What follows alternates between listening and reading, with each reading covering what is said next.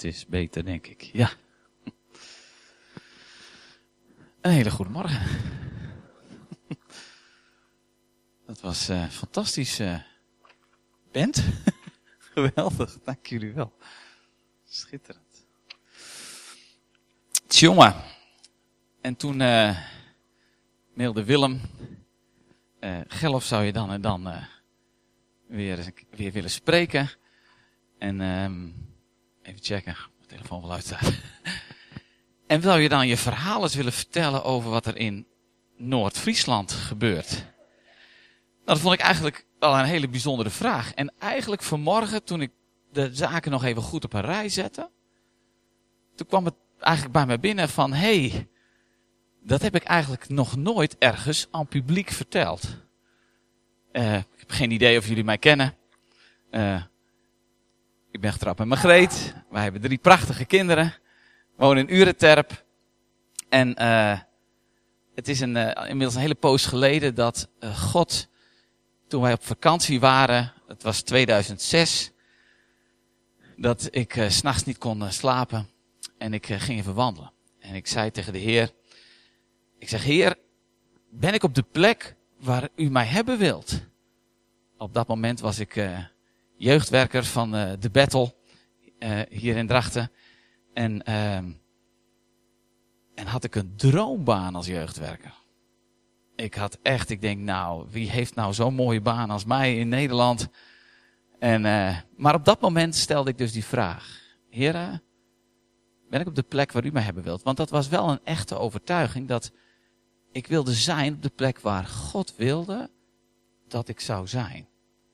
Ik heb wel eens een keer tegen Martin Koornstra, mijn collega toen, gezegd, als God zegt tegen me, ik wil dat je achterop een vuilnisauto je werk gaat doen, en dat is mijn, mijn opdracht, dan is dat de beste plek waar je kan zijn.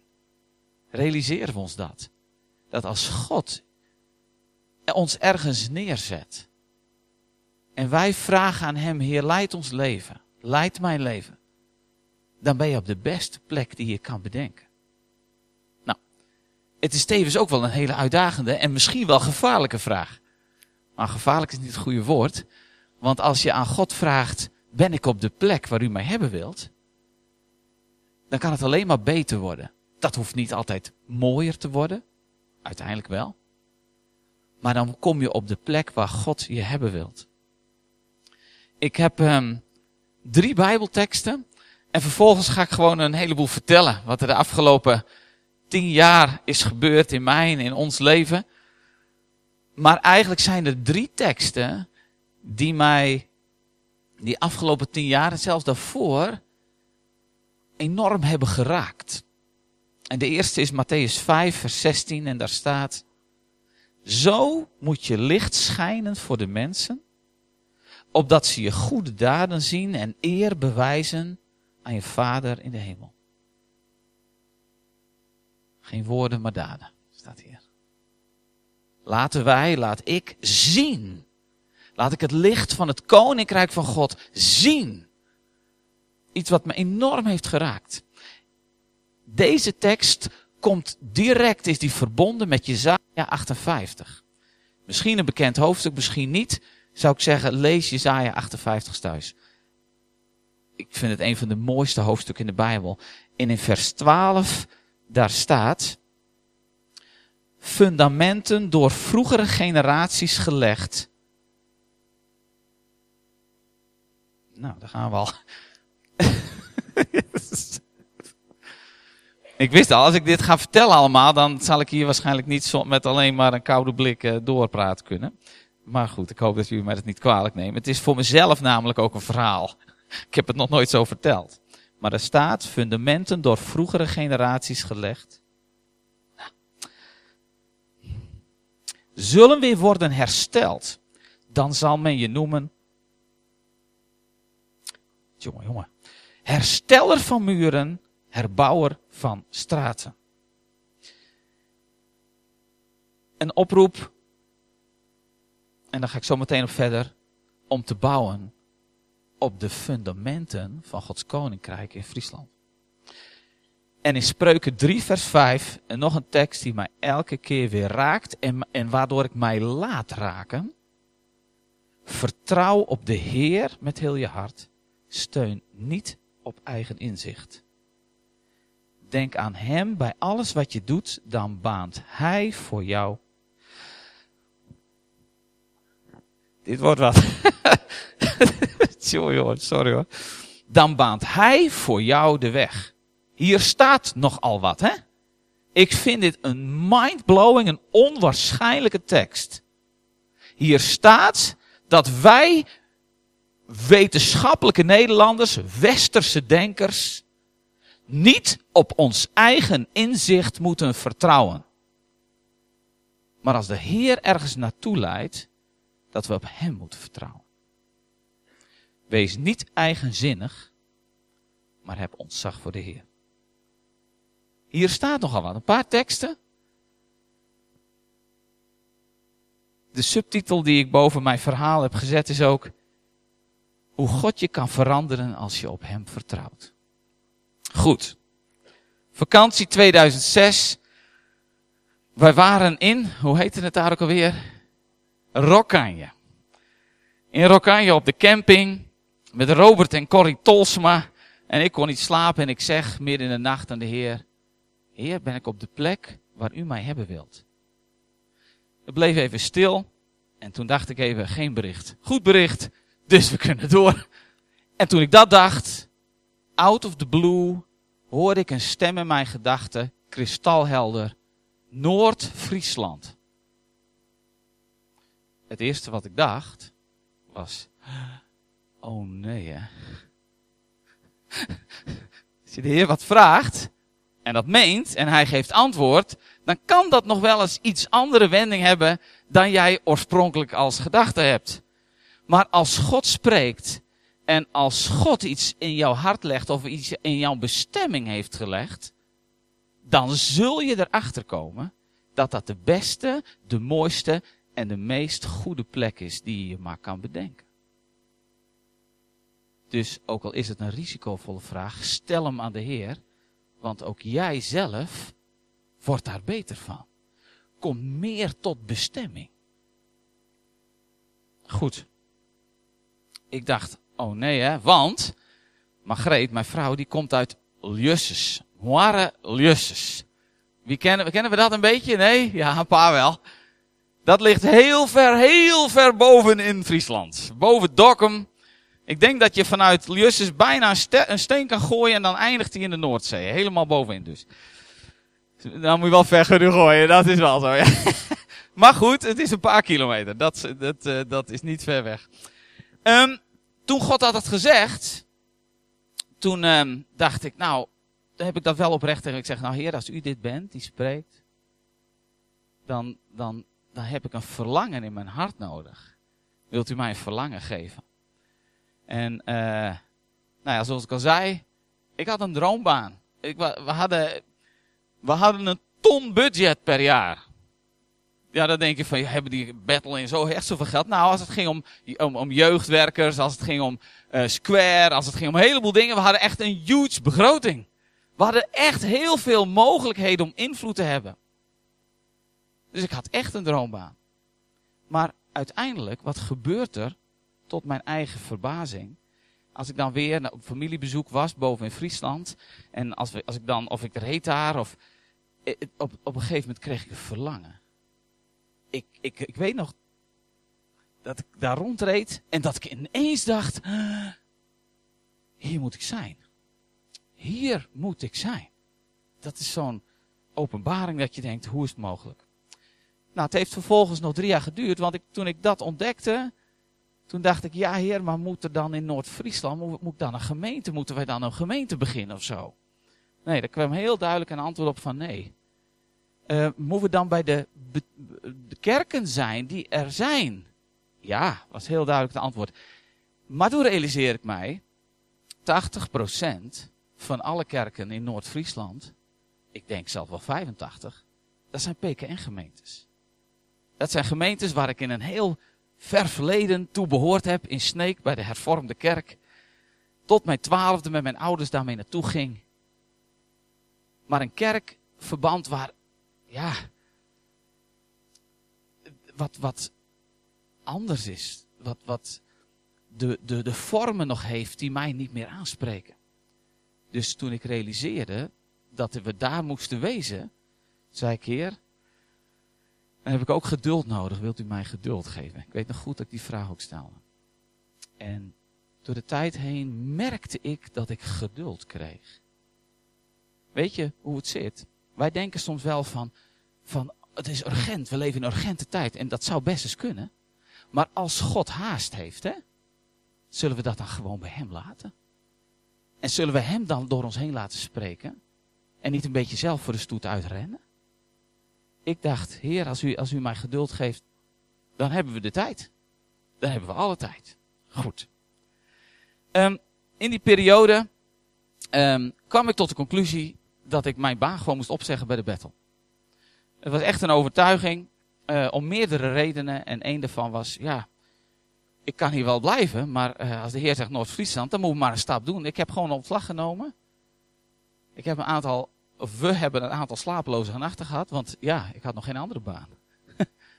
en de Heer moest dat wel gaan leiden. Nou, uiteindelijk, ik heb twee jaar voor de klas gestaan, wiskunde gegeven op een openbare middelbare school, onder andere Singeland, in Burgum trouwens. En daar heb ik heel ongelooflijk veel weer geleerd. En uiteindelijk belde Martin Kornstra. Want Royal Mission was inmiddels opgericht, was inmiddels een feit. Uh, en het groeide. En Martin belde, Geloof wil je er ook bij? Ik zei, nou, daar heb ik niet lang over nagedacht. Ik zei ja. Maar ik zei wel tegen Martin, ik zeg, je weet wel waarvoor ik geroepen ben, hè? Dat was, dat was echt een overtuiging. Noord-Friesland. Dat was het woord. En daar moest ik hem op richten. En dat was goed. Um, op dat moment was er een vacature in de PKN in Jistrum. Jistrum, jawel. Ik geloof dat het dorp 800 inwoners heeft of 900. Woont iets hier, uh, iets hierboven Drachten. En, uh, en er was een kleine vacature. Ik was te laat. De deadline was al geweest. Maar ik denk, laat ik maar de, de, de, de hoe heet het, het net uitgooien. Maar ontdekken hoe het moet en hoe waar we heen gaan. En, uh, en jawel, ik werd aangenomen voor zes uur in de week als jeugdwerker. Vonden, ze vonden het heel spannend, want een heleboel gezinnen uit de betreffende gemeente en uit de betreffende gemeentes waar wij nu werken, hebben ongelooflijk veel prachtige gezinnen.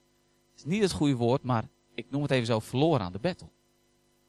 Dus ik kwam in een kerk die het heel spannend vond dat ze iemand uit de battle in dienst namen voor jeugdwerk. Nou, gewoon begonnen en op een gegeven moment kwam ik op een conferentie. Um, daar sprak Ken God. Mooi eraan trouwens, Ken God. Ken God. het was een Schot uh, uit Schotland en die had een uh, opwekking meegemaakt in een gebied al daar gedurende een hele lange periode. Hij sprak in, uh, in het was toen op de Battled, daar hadden we een kleine conferentie voor jeugdwerkers. En ik weet nog goed dat hij sprak over Nehemia.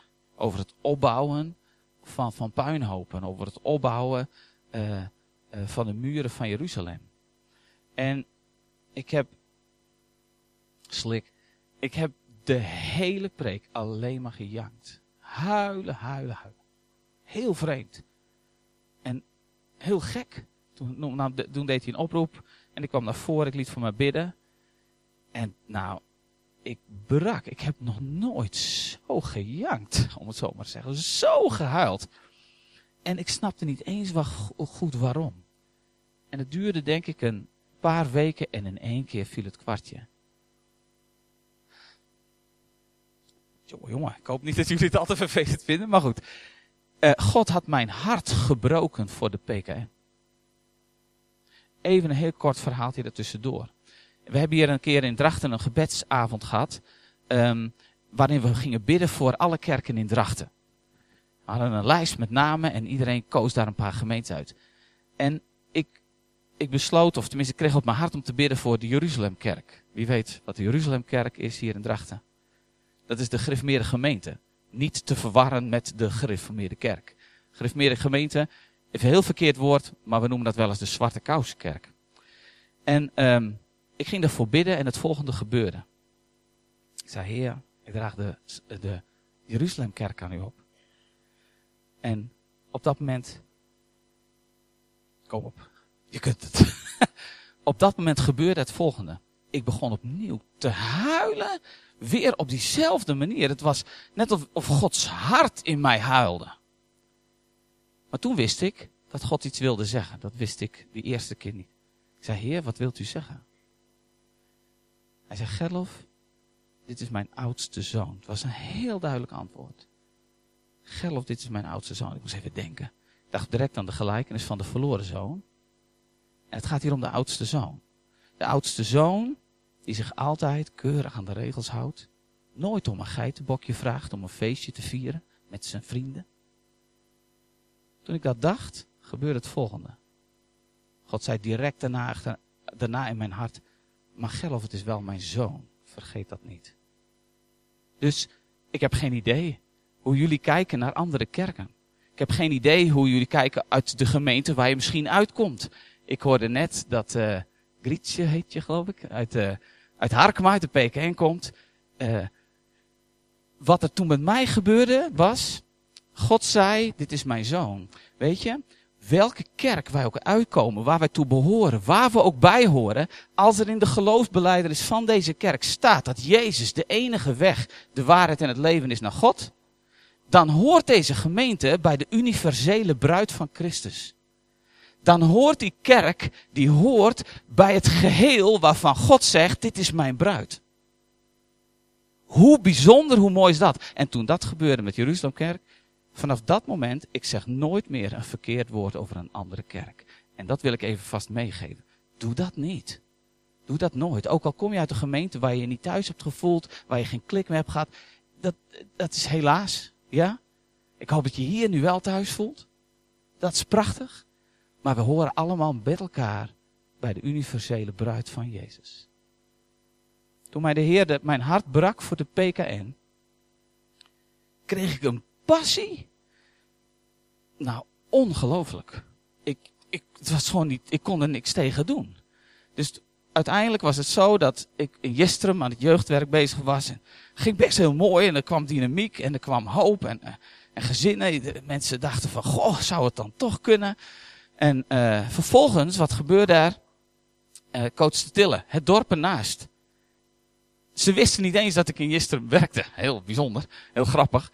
Maar ik werd daar inderdaad uh, ook gevraagd of ik daar ook iets wilde doen. En Twijzelrijden. Twee dorpen daar, vlak in de buurt. Wisten allebei van niet. Maar vlak daarvoor was het volgende gebeurd. Ik kreeg bij Royal Mission een grotere, een vollere agenda. Ik deed echt heel veel dingen. Prachtig, mooi, schitterend mooi werk. We doen allemaal leuke en mooie dingen. Maar weer opnieuw in een vakantie. Ik was weer aan het wandelen. ik zei tegen de Heer, uh, wat gaan waar gaat het heen? Wat wilt u doen? En toen zei hij, Gelof, uh, ah ja, zo was het. Hij zei, als je nu niet gaat, stuur ik een ander. Ik schrok er bijna van. Ik denk, ik ga toch. Hè? Maar ik was veel te veel bezig met dingen die niks met Noord-Friesland hadden. Prachtig mooie dingen. Maar dan is het soms ook even weer opnieuw goed luisteren. Heer, ben ik nog steeds op de plek die u bedoeld had? En hij zei, ga nu. En ik zei, ja maar heer, ik wil gaan. Ik heb met Martin en het bestuur gesproken. Ik zeg, of het binnen Royal Mission is of de buiten, uh, ik moet nu gaan. Ik, ik moet loslaten. En wat ik net vertelde, dat in diezelfde week, na dat besluit, belde coach Til en Twijsterheide. Dat zag ik als een bevestiging. Van het een kwam vervolgens het ander. En inmiddels zijn er 16 kerken waar we vanuit Royal Mission, onder andere trouwens, hier in de Open Thuis, die noemen we bij die 16. Dus het is niet allemaal PKN, er zitten ook een paar vrij evangelische gemeentes bij, er zit een paar, er een voortgezet gereformeerde kerk bij. Inmiddels per 1 september, jawel, de eerste vrijgemaakte kerk die Royal Mission om een jeugdwerker vraagt. Dat is echt bijzonder. Dus daar zitten wij echt van te kijken dat, dat, dat daar dingen gebeuren. Maar inmiddels zijn het 16 kerken waar we jeugdwerkers mogen detacheren. Of in ieder geval mogen begeleiden dat ze in loondienst zijn. En mogen we daar dingen betekenen? Mogen we helpen mee opbouwen? Zijn we er al? Gaat het echt met een speer? Nee. Het gaat soms echt dat ik denk, goh, jeetje, wat gaat het langzaam. Maar gelukkig, God had geduld gegeven. En ik zeg heel vaak, als God meer urgentie heeft, dan zal die dat gaan doen. Weet je, het is zijn koninkrijk. Het is zijn werk. Hij kan het zo in ons hart leggen dat we aan dingen denken waar we van tevoren niet hebben gedacht. En reken er maar op, er wordt inmiddels heel veel gebeden. De afgelopen 10, 20, 30 jaar zijn er in Nederland heel erg veel profetieën geweest. Profetieën los van elkaar. Ik ben altijd heel gevoelig voor profetieën waarin elkaar, men elkaar naspreekt, althans waar het soms erop lijkt. Maar los van elkaar, mensen die elkaar niet kennen, die out of the blue zeggen, ik heb het idee dat God Nederland wil komen bezoeken en het gaat beginnen in het noorden. Uh, gaat het dan beginnen bij Gerlo Wiersma Noord Mission? Ik hoop van niet. Ik hoop dat het een prachtige beweging wordt van Gods geest. Maar het zijn, al, het zijn er tientallen inmiddels. En ik hoor regelmatig iemand die indruk zeggen, die van niks weet. Dat zijn wel dingen. Nou, van het een kwam het ander.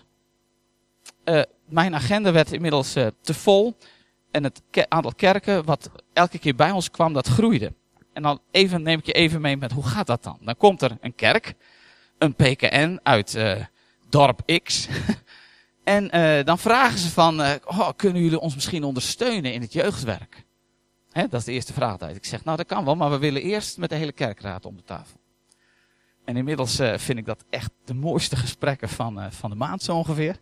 Als ik met een hele kerkraad, want in de goede en de mooie zin van het woord, dat klinkt misschien wat onvriendelijk, maar zo bedoel ik het niet. Dan, dan ontdek ik even en ontdekken we met elkaar, jongens, we staan met z'n rug tegen de muur. We hebben geen, en werkbaar, ze hebben geen idee meer hoe het moet. Echt, het breekt ze aan alle kanten met de handen af. Nou, en dan, uh, en wat er dan gebeurt op zo'n avond, dan hebben we, nemen we de kerkraad mee in een gesprek. En wat dan de afgelopen 10, 20, 30 jaar niet is gelukt. Ik sta er altijd erbij te kijken. In één avond gaat een kerkraad altijd haaks door de bocht. Echt waar. Dingen die nooit konden. Een van de dingen namelijk die wij op tafel leggen is. Je, we willen faciliteren jeugdwerker. Maar dan wordt één zondag per maand 100% ter beschikking gesteld één zondagochtenddienst die afgelopen 10, 20, 30 jaar nooit veranderd kon en mocht worden. Die moet 100% ter beschikking worden gesteld, want die gaat namelijk 100% anders worden ingevuld. En in één avond, ik heb nog niet meegemaakt, gaan ze allemaal akkoord. Nood brengt verandering mogelijkheden. En het grappige is, uh, als iemand binnen zo'n gemeente, misschien komt u, kom jij wel uit zo'n gemeente. En dan heb je heel vaak geroepen, kan het niet anders en dan lukt dat nooit. de profeet in zijn eigen dorp en zo. Maar iemand van buiten, ik kom van buiten en ik heb goede argumentatie. Ik heb mijn huiswerk goed voor elkaar. Dus ik neem ook zo'n kerkraad op een manier mee. Ja, ze kunnen ook bijna niet anders, maar ik overtuig ze ook. Er zijn gewoon zoveel dingen te noemen dat het anders moet. En dan gaan ze mee. En dan gaan we, krijgen we de mogelijkheid om, om diensten te organiseren. We noemen dat altijd gezinsdiensten. Althans, intern noemen we dat zo. Want naar buiten doen heet dat geen gezinsdiensten. Want dan sluit je weer heel veel mensen uit. Maar het worden compleet andere diensten. Een van de dingen die we doen. Um, de jeugdwerkers, die komen maandelijks bij elkaar. We hebben elke maand bidden we met elkaar. Inspireren we elkaar, krijgen ze training. Uh, dat is ook een van de vereisten die we dan bij zo'n kerk neerleggen. Want die uh, training en die begeleiding, betaalt aan zo'n kerk. Goed. Bij die kerken gebeur, zijn er dingen in beweging. Het, en het groeit. We hebben echt afgelopen jaar op een gegeven moment de vraag niet aangekund. En uh, ik ben blij dat het nu even rustig is. Dat is echt waar. Op dat moment, soms dan heb je ook weer echt hoor, dan wordt het echt ook wel wat te veel. um, Oké. Okay. Ik vertel gewoon nog wat andere dingen. Wat is er gewoon in onze provincie, wat is er in Noord-Friesland allemaal gaande?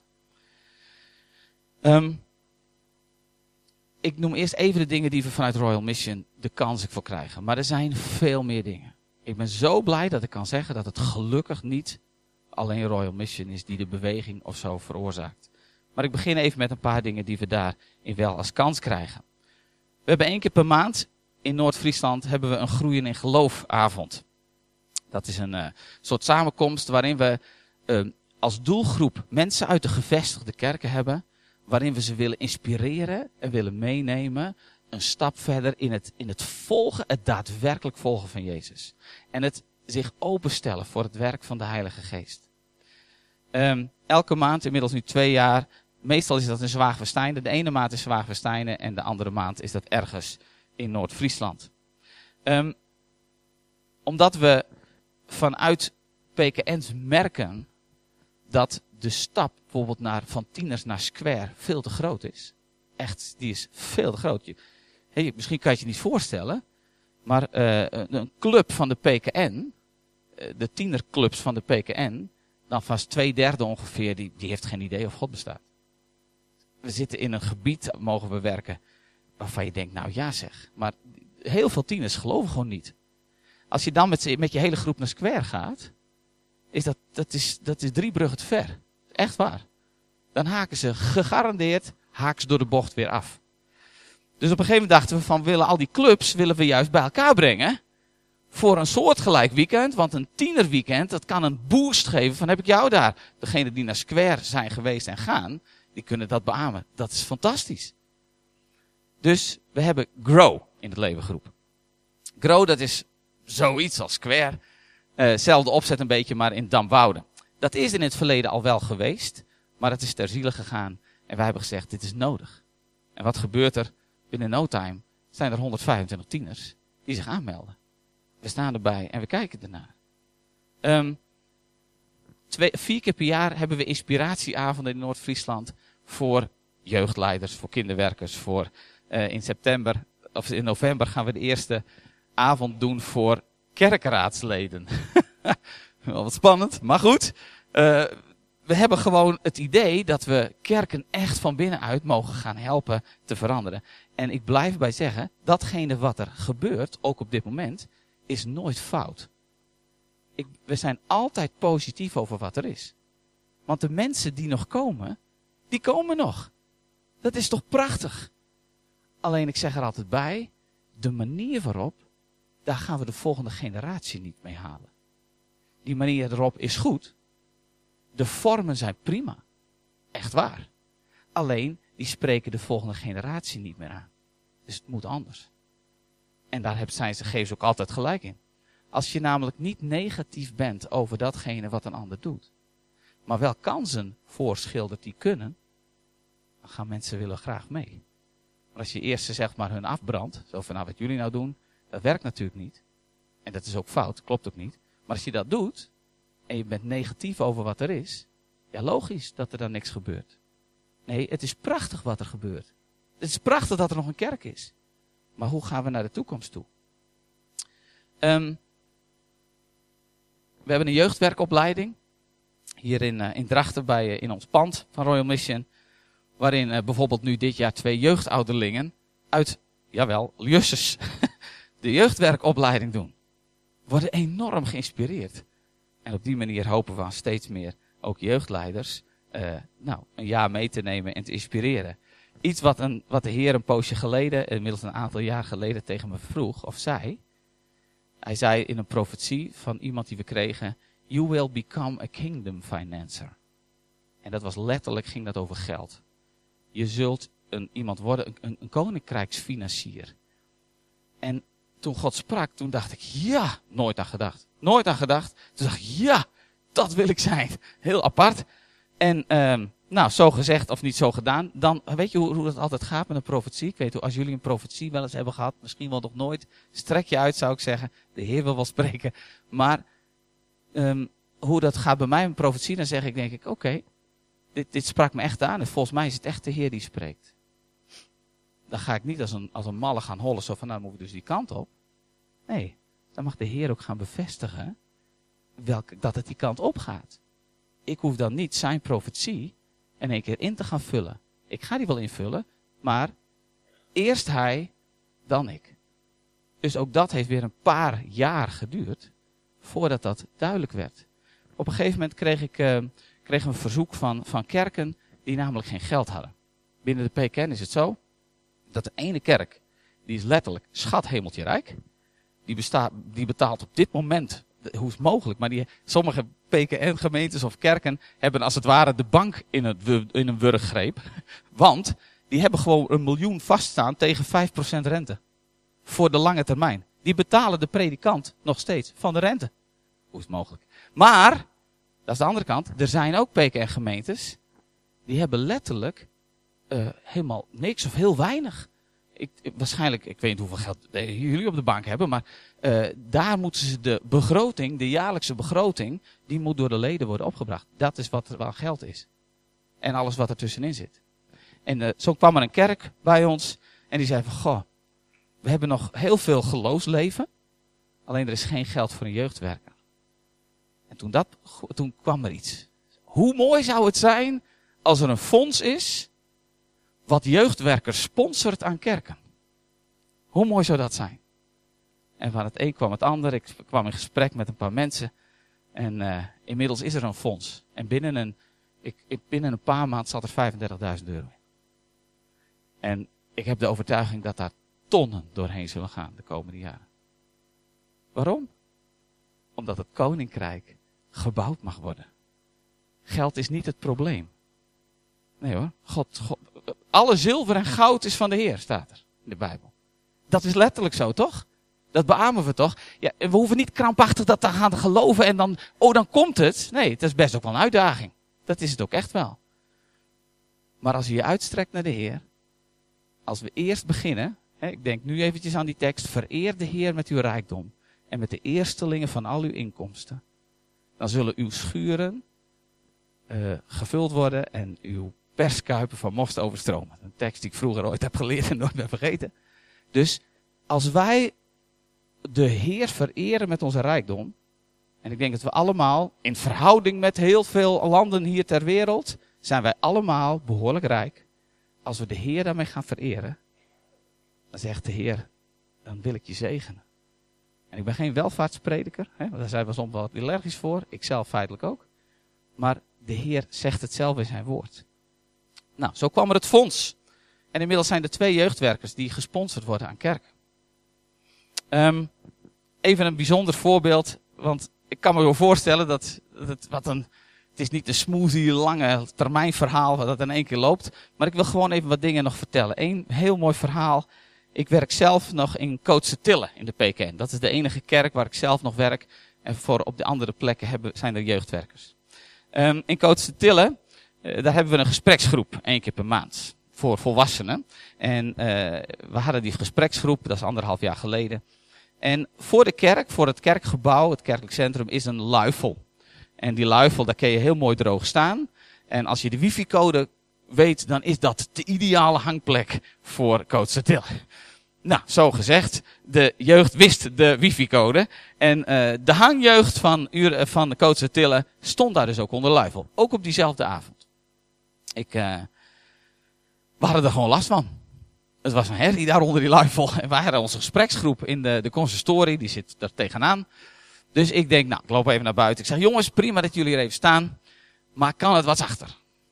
Nou, ik loop weer naar binnen. En terwijl ik naar binnen loop, denk ik, je kunt ze ook wel even binnen vragen. Ik denk, hé hey, ja, nou, ik kom binnen. Ik zeg tegen die groep, ik zeg, nou, uh, wat een gekke gedachte misschien, maar zullen we ze anders even binnen vragen? We hadden net een filmpje gezien van Open Doors. Een best heftig filmpje over wat God doet op plekken waar het helemaal niet kan. Hè? Ik denk, nou, misschien kunnen we dat laten zien. En uh, nou, de, groep zei, ja, we kennen de man. Er waren een paar vanuit de middenstand. En die hadden altijd last van die, van die lui. Die zeiden, nou, die komen toch niet. Maar uh, je mag het wel proberen. Ik loop terug. Nou, dan ben ik, als, als iemand dat tegen me zegt, daar hou ik van. Hè? Dan extra olie op het vuur. Tuurlijk gaan we die lui dan binnenhalen. Dus ik zeg, hé uh, hey jongens, doe eens even gek. Wij hebben een verhaaltje, kom even binnen en uh, hebben het er even over. Nou, uiteindelijk, uh, ik keek de leider aan, want je kon meteen zien, want ze keken allemaal meteen naar de oudste en dat was de leider. Ik zeg, hey, kom op man, je bent toch geen watje, weet je wat zo. nou, het klikte en ze kwamen binnen. En inmiddels, anderhalf jaar later, komen we met deze groep, die groeit. We zijn inmiddels met 16 diehard hangjongeren, om het zo maar even te zeggen. Echt waar, je zou eens voor de lol een avond met ons moeten meemaken. Daar lusten de honden geen brood van wat voor taalgebruik die lui hebben. Dat is echt waar. Het is onwaarschijnlijk. Inmiddels trouwens gaat het beter. Maar in het begin. Maar we hebben ook gezegd, ja weet je, wij komen in hun plek. We gaan niet meteen nu zeggen van, uh, hier wordt niet gevloekt en dit en dat. Dat kunnen we wel zeggen, maar dat zal averechts werken. Dus we hebben het niet gezegd. We zijn elke keer met ze gaan eten. We hebben daar een frituurpan eh, staan daar in de kerk. En we bakken altijd patat, er is een bar. En uh, daar komt de groep dan omheen zitten. En, dan, uh, en na, nadat we met elkaar hebben gegeten en frikandel hebben gegeten, dan hebben we het er even over. Zo noemen we dat. Nou, en dan gaan we naar de consistorie. En dan zitten we met elkaar. Ik laat dat meestal een filmpje zien. En door de tijd heen raakt God ze één voor één aan.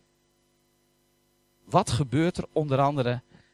Ik op een gegeven moment, hebben ook wel hele heftige situaties meegemaakt. Want het lijkt nu een heel mooi verhaal wat ik vertel. En dat is het ook. Maar je moet ook in dat hele verhaal altijd alle klappen opvangen. En het is altijd, ik afgelopen vier weken, dikke stress. Echt waar. Ik heb situaties meegemaakt dat ik denk, heer, gaan we nog wel de goede kant uit? Waarom doe ik dit?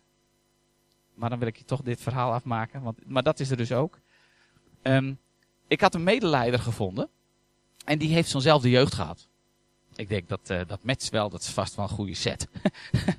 Iemand die net uh, tot geloof, drie jaar geleden tot geloof is gekomen. Echt radicaal ook uh, tot geloof is gekomen.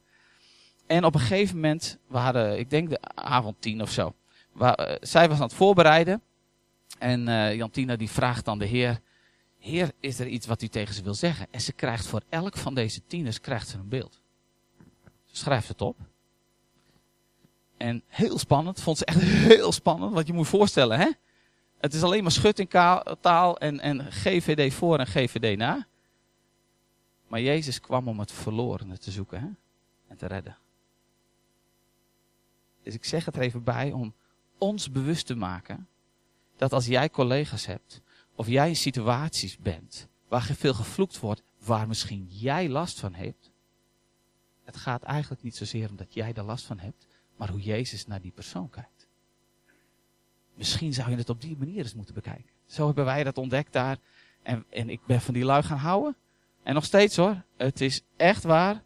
En ook de ellende hoor.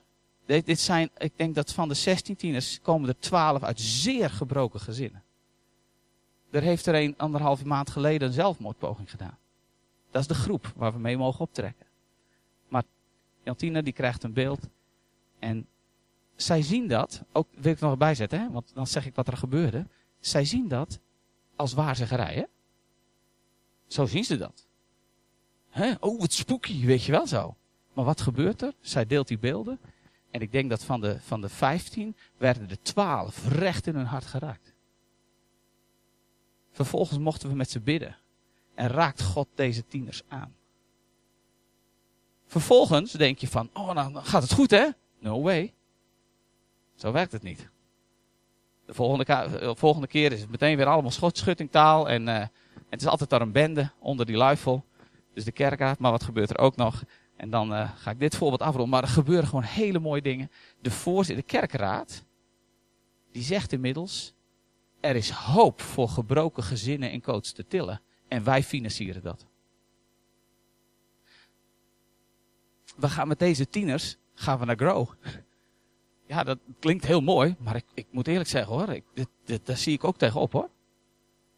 Want dit, dit is een, een, een soort van volk wat gemixt gaat worden met best wel positieve tieners. Hoe gaat het komen? Ik heb, ik heb drie regels gezegd. Ik zeg geen drugs, geen seks, en geen, uh, ik had nog wat. Ik had drie dingen. Dus dat zijn de regels die ik moet geven. Uh, om anders, maar, en, maar dan weet ik nog, dit is een heel, is, maar goed, dat is het als Jezus zegt, laat zo je licht schijnen voor de mensen, hè? Misschien heb je wel iemand in jouw straat die echt eenzaam is. Wil je hem of haar zien? Als God nou degene voor jou heeft geplaatst, loop je er dan voorbij of wil je hem of haar zien? Als die tiener bij jou in de klas zit, gepest wordt, durf je dan in de pauze een snikker te halen en die hem te geven? Durf je degene te zien? En dat gaat je wat kosten.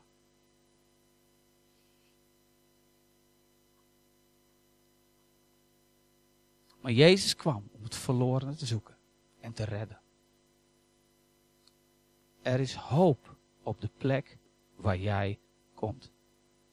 Er is koninklijke kracht op de plek waar jij komt. Ik weet niet of jullie de vorige keer erbij waren toen ik hier stond en dat verhaal vertelde over wat die demon zag toen ik bad. Het is Jezus die in jou leeft. Letterlijk. Er is zoveel mogelijk op de plek waar jij komt. Deze tienergroep in Kootse Tillen? Ik geloof dat het goed gaat komen. Is dat nu al zover? Nope. Hoe lang ben je al bezig, Gelf? Anderhalf jaar. Soms heb ik het moment dat ik denk, goh, gaat bijna de verkeerde kant op. Maar wat gaat er dan gebeuren? Dat is een punt wat ik ook nog wil noemen. En ik heb het onderstreept. En dat is het ook, maar dat ga vertellen.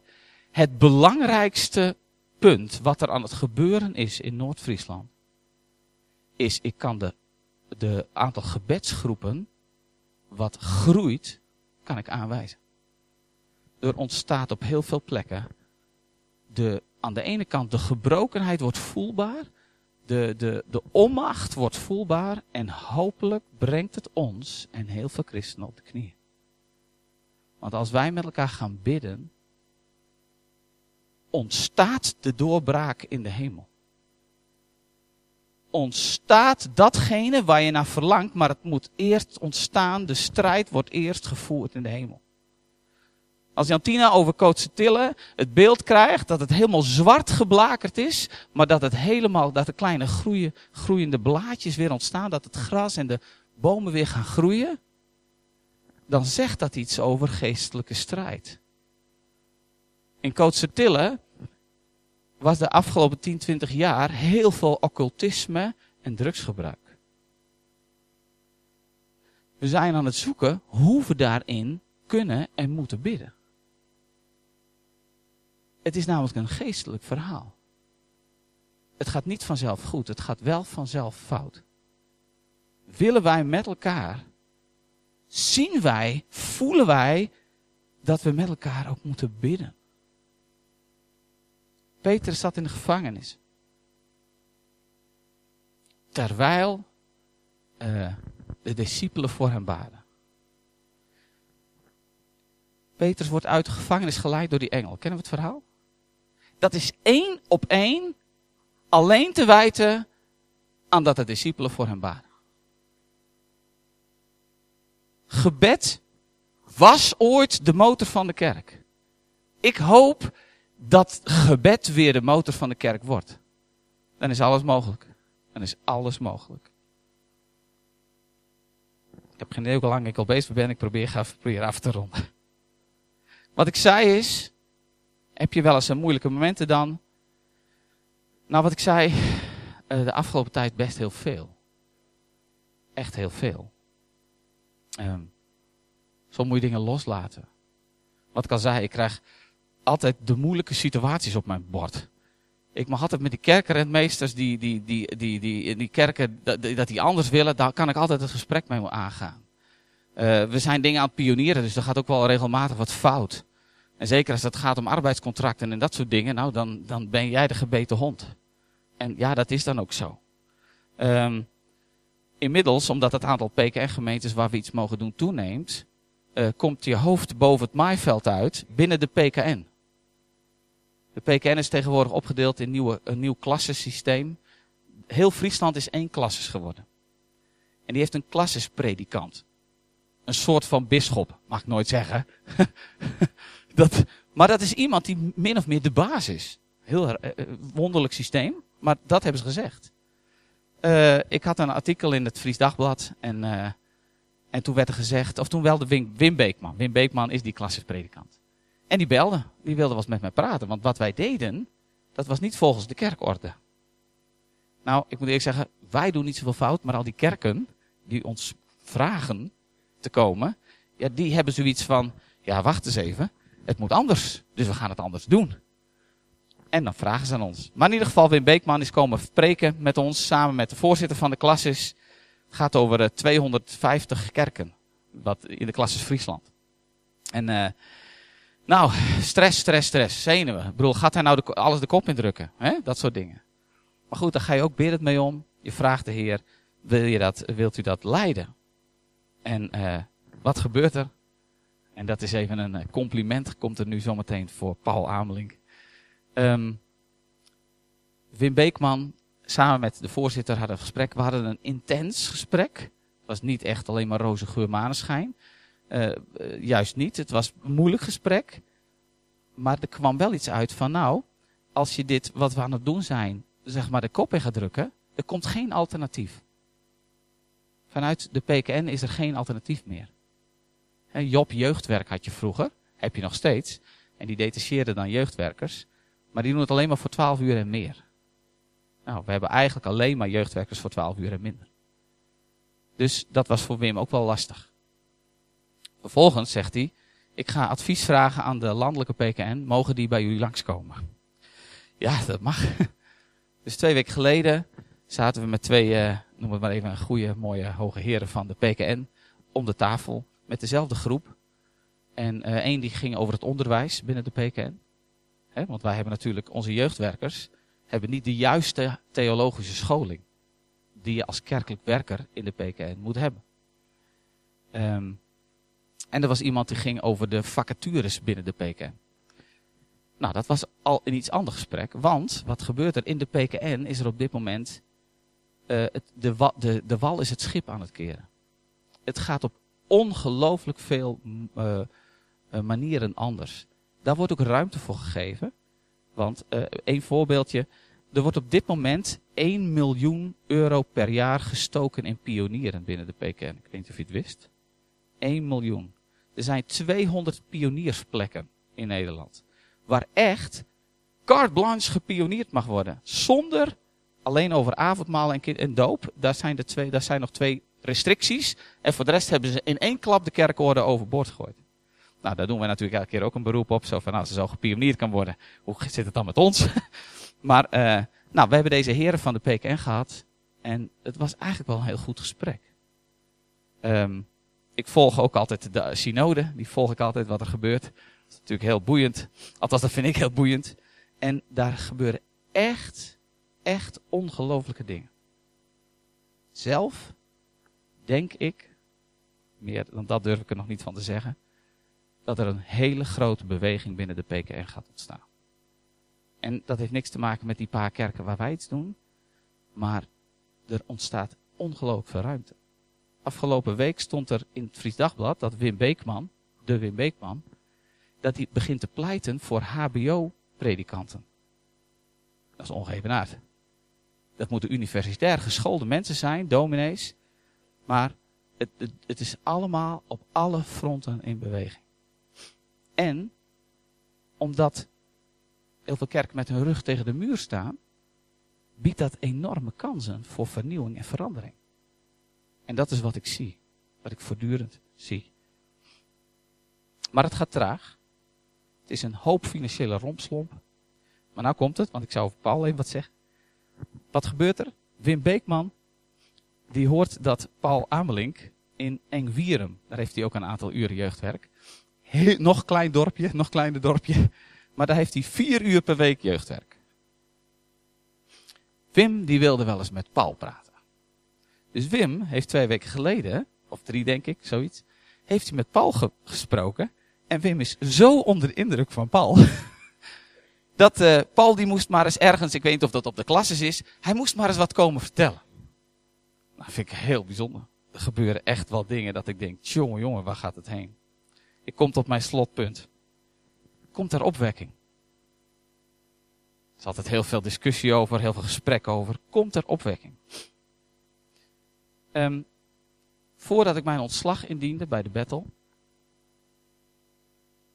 kreeg ik op een gegeven moment de overtuiging. Dat God zei, of nou, God zei niet, maar ik kreeg de overtuiging dat tijdens mijn leven, en niet per definitie door mij, uh, dat wil ik heel duidelijk zeggen, maar ik, en ik durf het bijna nog steeds niet te zeggen, ik heb het ook nog nooit aan publiek ergens gezegd, maar ik geloof dat we honderdduizend Friesen tot geloof gaan zien komen. Honderdduizend. Dat is, uh, ik denk dat we 600.000 Friesen hebben. Dat is 15 procent. Dat is, dat is enorm veel. Waarbij daar denk ik al 20, 30 procent nog steeds behoort bij een gemeente. Um, ik geloof alleen niet dat het op één plek gaat gebeuren. Ik denk niet dat er één kerk of één organisatie of één iemand gaat zijn waar het gaat beginnen. Ik geloof dat dat op heel veel plekken nu al gaande is. Het is een langzame golf die aan het ontstaan is. Uh, een paar voorbeelden. Uh, Noordermannen. Noordermannen vanuit United Christ is enorm gegroeid. Een mannenbeweging in onder andere Friesland, maar inmiddels ook in Groningen en in Drenthe. Uh, wie was op Strandheem Festival geweest? Als er een festival in Friesland groeit, is het Strandheem. Onwaarschijnlijk snel zelfs. Ik ben wel benieuwd wat er dit jaar gaat gebeuren. Um, kerken beginnen wakker te worden. Echt. Er zijn heel veel christenen. En niks, echt waar, voel je niet aangesproken. Want ik zeg je, maar heel veel christenen die hebben de overtuiging gekregen dat ze in hun eigen gemeente moeten blijven. En dat jullie hier zitten, prachtig, fantastisch. Maar er zijn ook heel veel christenen die zeggen van nee, maar ik, ik, heb het, ik ervaar een roeping voor mijn gemeente. En daarom zit ik er nog, anders zit ik er niet meer. Um, wat ik al zei, er groeit een, een groot gebedsgebeuren. Ik ken inmiddels, ik denk wel 15 plekken in Friesland waar periodiek, maandelijks of zelfs wekelijks gebeden wordt. Voor de kerk, voor Friesland. Bijvoorbeeld Bidden werkt in Leeuwarden. Niet of het kennen, maar Alfons van Vliet, predikant van de PKN in Leeuwarden, die heeft een 24-7 gebedshuis. Er wordt nog niet 20, 24 uur per dag continu gebeden, maar hij heeft een ruimte die 24-7 open is voor gebed. Um, in Zwaagwesteinde gebeuren bijzondere dingen. Er zijn meerdere kerken. De PKN, de Pinkstergemeente en de Christelijk Gereformeerde Kerk. En dan noemen we dat even de zware tak, om het zo maar te zeggen. Die, die, die hebben in de gebedsweek, komen die met 60 mensen bij elkaar om te bidden.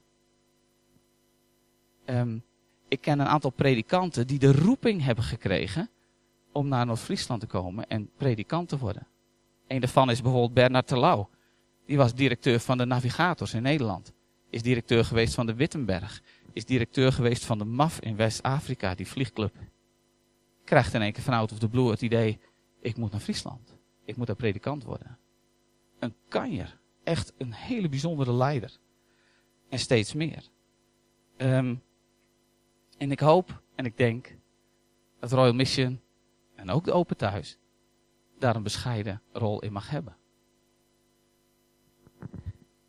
Ik hoop dat jullie hier iets hoop door hebben gekregen. Dat je erover na gaat denken dat vandaag de dag dingen mogelijk zijn waarvan je allemaal, als je gewoon met je ogen kijkt, denkt, nou, zou het nog wel wat worden? De kerken lopen leeg. Het gaat moeilijk. Nou, ik ervaar niet dat het allemaal makkelijk gaat. Maar wat ik zie en wat God op een of andere manier bevestigt in het gebied waar we mogen werken. Ik zie dat er enorm veel gaande is. En daar wil ik jullie mee bemoedigen. En ik wil afsluiten met gebed. Zullen we dat doen? Vader, ik wil soms wel eens even kijken op uw tekentafel ik ben soms heel nieuwsgierig, heren, wat u, wat u voor plannen heeft. Heer, als u in uw woord sta, zegt in Timotheus, dat u niet wil dat er iemand verloren gaat, maar dat allen tot geloof komen. Heer, dan ben ik zo benieuwd hoe u dat door ons heen wil doen. En ik wil u bidden of u, u ons met uw geest wil vervullen. Of u ons niet alleen hoop geeft en dat we daar met elkaar over praten, maar dat we daar wat mee kunnen en willen gaan doen. Heer, open onze ogen voor de mensen in onze straat, voor de mensen bij ons op het werk, voor de mensen in de klas op school. Wilt u onze ogen openen? Opdat we zien en niet blind zijn. Opdat u uw licht wil laten schijnen voor de mensen. Opdat ze u zullen zien en u aanbidden. Vader, ga met ons mee. En bemoedig ons en inspireer ons. In de dingen die u wilt gaan doen door ons heen. In de naam van Jezus. Amen.